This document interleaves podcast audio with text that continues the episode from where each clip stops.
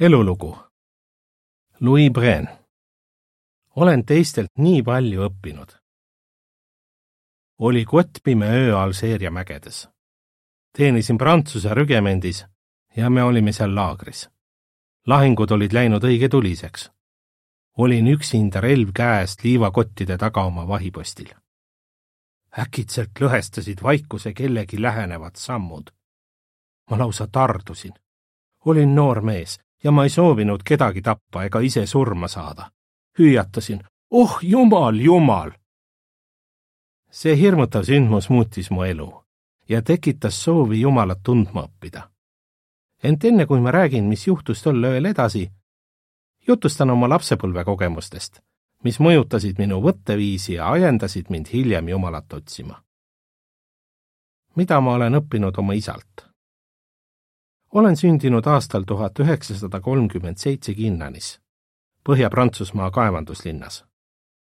minu isa oli kaevur ja ma õppisin temalt, kui tähtis on teha kõvasti tööd. mul kujunes sama tugev õiglustunne nagu temal. isa astus välja kaevurite eest, kel olid väga kehvad töötingimused. ta liitus ametiühinguga ja osales streikides. samuti ärritas teda kohalike preestrite silmakirjalikkus paljud neist elasid üsna luksuslikult, kuid samas küsisid nad toitu ja raha kaevuritelt, kes nägid kõvasti vaeva, et end elatada. selline toimimisviis oli isale nii vastik, et ta ei rääkinud mulle usuasjadest midagi. tegelikult ei rääkinud me kunagi Jumalast. vanemaks saades hakkasin ka mina ebaõiglust vihkama. näiteks oli paljudel prantslastel eelarvamusi välismaalaste suhtes mina aga mängisin immigrantide lastega jalgpalli ja meil oli koos väga lõbus. ka minu enda ema ei olnud prantslane, vaid poolakas. soovisin, et kõik rahvused ja rassid elaksid rahus ja oleksid võrdsed. hakkan tõsisemalt elu üle mõtlema. aastal tuhat üheksasada viiskümmend seitse kutsuti mind väeteenistusse. see viiski juhtumini, mida ma sissejuhatuses kirjeldasin. vahetult pärast seda kui olin Jumalat appi hüüdnud, seisin silmitsi mitte vaenlase sõduri, vaid hoopis ühe metsiku eesliga. milline kergendus see küll oli! siiski pani see sündmus ja kogu sõda mind tõsiselt mõtlema selle üle, mis on elu mõte. miks me siin oleme? kas Jumal hoolib meist? kas kunagi saabub tõeline rahu? kui olin sõjaväest kodus puhkusel käimas, kohtusin ühe Jehoova tunnistajaga. ta andis mulle katoliikliku piibli, mida ma pärast Alžeeriasse naasmist lugema hakkasin. eriti köitis mu tähelepanu piibliteksti ilmutus kakskümmend üks, kolm ja neli, mis ütleb Jumala telk on inimeste juures. ta pühib ära kõik pisarad nende silmist ja enam ei ole surma ega leinamist, hädakisa ega valu.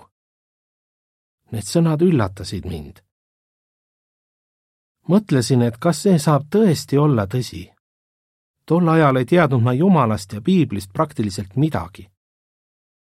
kui minu väeteenistus aastal tuhat üheksasada viiskümmend üheksa lõppes, kohtusin ma Jehova tunnistajaga, kelle nimi oli Francois.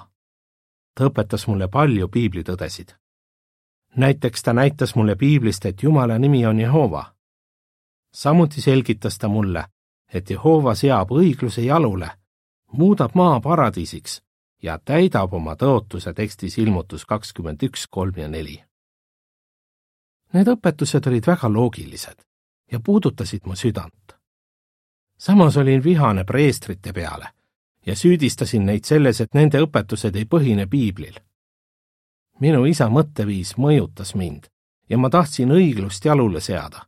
olin kannatamatu ja tahtsin kohe tegutseda, et midagi muutuks Francois ja teised Jehoova tunnistajatest sõbrad aitasid mul maha rahuneda.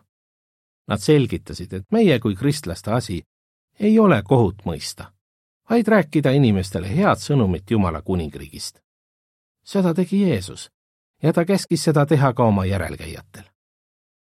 samuti tuli mul õppida rääkima inimestega lahkelt ja taktitundeliselt, ükskõik millised on nende uskumused piibel ütleb, et meie isanda ori ei tohiks kellegagi tülitseda, vaid peaks olema leebe kõigiga.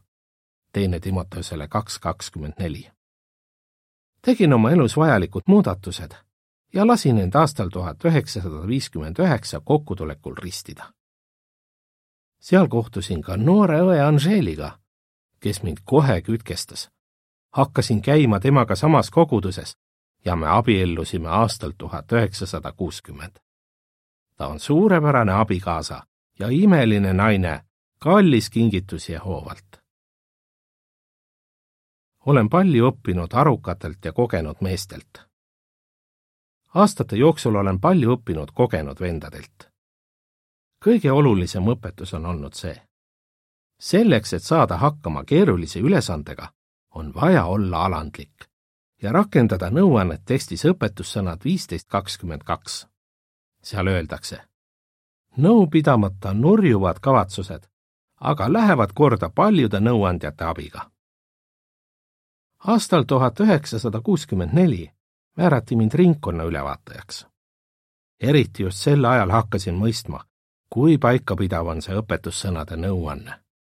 külastasin kogudusi, et vendi ja õdesid julgustada samas olin ise vaid kahekümne seitsme aastane ja mul polnud eriti kogemusi.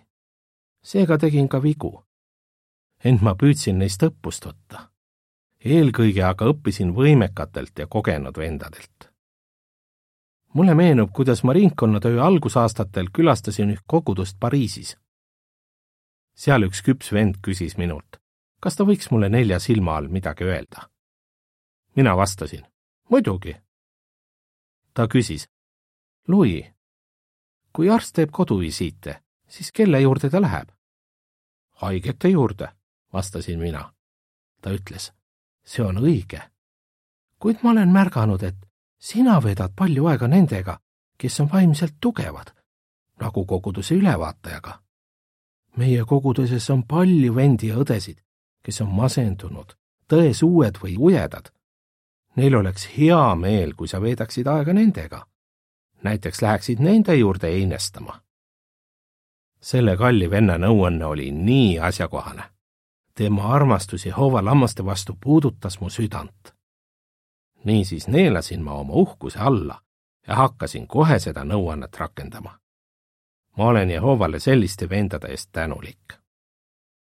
aastatel tuhat üheksasada kuuskümmend üheksa ja tuhat üheksasada seitsekümmend kolm toimus Pariisis kaks rahvusvahelist kokkutulekut, kus mul oli ülesanne hoolitseda toitlustamise eest.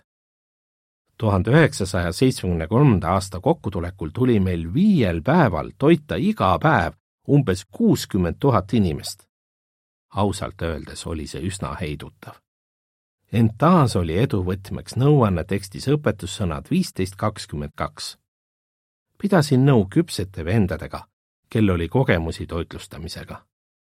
Nende hulgas oli lihunikke, köögiviljakasvatajaid, kokkasid ja kokkuostjaid. üheskoos saime selle mäekõrguse ülesandega hakkama. aastal tuhat üheksasada seitsekümmend kolm määrati meid teenima Prantsusmaa Peetelisse. minu esimene ülesanne seal polnud samuti mitte just kergete killast. pidin toimetama kirjandust meie vendadele Aafrikasse Kameruni kus meie töö oli aastatel tuhat üheksasada seitsekümmend kuni tuhat üheksasada üheksakümmend kolm keelustatud. kartsin, et kuidas ma küll selle ülesandega hakkama saan. tolleaegne Prantsusmaa harubüroo ülevaataja ilmselt märkas minu kõhklusi. seepärast julgustas ta mind, öeldes meie vennad Cameronis vajavad väga vaimset toitu. toidame siis neid. ja seda me tegimegi käisin mitmel korral Kameruni naaberriikides kohtumas Kameruni koguduse vanematega.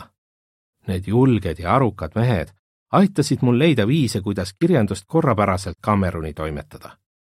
Jehova õnnistas meie pingutusi. kahekümne aasta jooksul ei jäänud meie usukaaslased tollel maal ilma mitte ühestki vahitornist ega igakuisest teenistusjuhendist. olen palju õppinud oma kallilt naiselt juba meie tutvuse alguses märkasin, kui lähedased suhted on Anžeelil ja Hoovaga. kui abiellusime, nägin veelgi selgemini, kui tugev usk tal on. kohe meie pulmapäeva õhtul palus ta mul Jehovale rääkida meie soovist teenida teda nii hästi, kui vähegi suudame. Jehova on sellele palvele vastanud. Anseel on ka aidanud mul Jehovat rohkem usaldada. Näiteks kui meid aastal tuhat üheksasada seitsekümmend kolm Peetelisse kutsuti, siis ma algul kõhklesin, sest mulle meeldis väga ringkonnatöö. ent Anseel tuletas mulle meelde, et me oleme pühendunud Jehovale. kas me siis ei peaks tegema kõike, mida tema organisatsioon meil teha palub? selle peale polnud mul midagi kosta. niisiis läksime Peetelisse. kogu meie pika elu jooksul olen näinud, kuidas mu naise arukus, tasakaalukus ja innukus Jehova teenistuses on tugevdanud meie abielu ja aidanud meil teha häid otsuseid. Anseel on mulle senini suurepärane ja toetav naine. näiteks selleks, et osaleda teokraatlikes koolides, millest paljud on inglise keeles, hakkasime koos oma inglise keele oskust parandama. sel eesmärgil läksime ka ingliskeelsesse kogudusse, kuigi olime sel ajal juba seitsmekümnendates. oma kohustuste tõttu Prantsusmaa harubüroo komitees polnud mul uue keele õppimiseks lihtne aega leida. olime aga Anžeeliga teineteisele toeks. nüüd, kui oleme juba üle kaheksakümne, valmistame endiselt koosolekuteks nii inglise kui ka prantsuse keeles samuti püüame jõudumööda koguduse koosolekutel oma osa anda ja teha kuulutustööd. Jehova on õnnistanud meie pingutusi inglise keele õppimisel. aastal kaks tuhat seitseteist oli meil suurepärane võimalus käia harubüroo komitee liikmete ja nende naiste koolis, mis toimus Pattersoni koolituskeskuses. Jehova on tõesti ülim õpetaja. seepärast pole üllatav, et tema rahvas, nii noored kui ka vanad, saavad parima hariduse. ma olen näinud, et noored, kes kuulavad Jehovat ning kogenud vendi ja õdesid, edenevad vaimselt ja neist saavad tublid Jehova teenijad. tekstis õpetussõnad üheksa üheksa öeldakse. anna targale juhatust ja ta saab veel targemaks. õpeta õiget ja ta õpib üha edasi.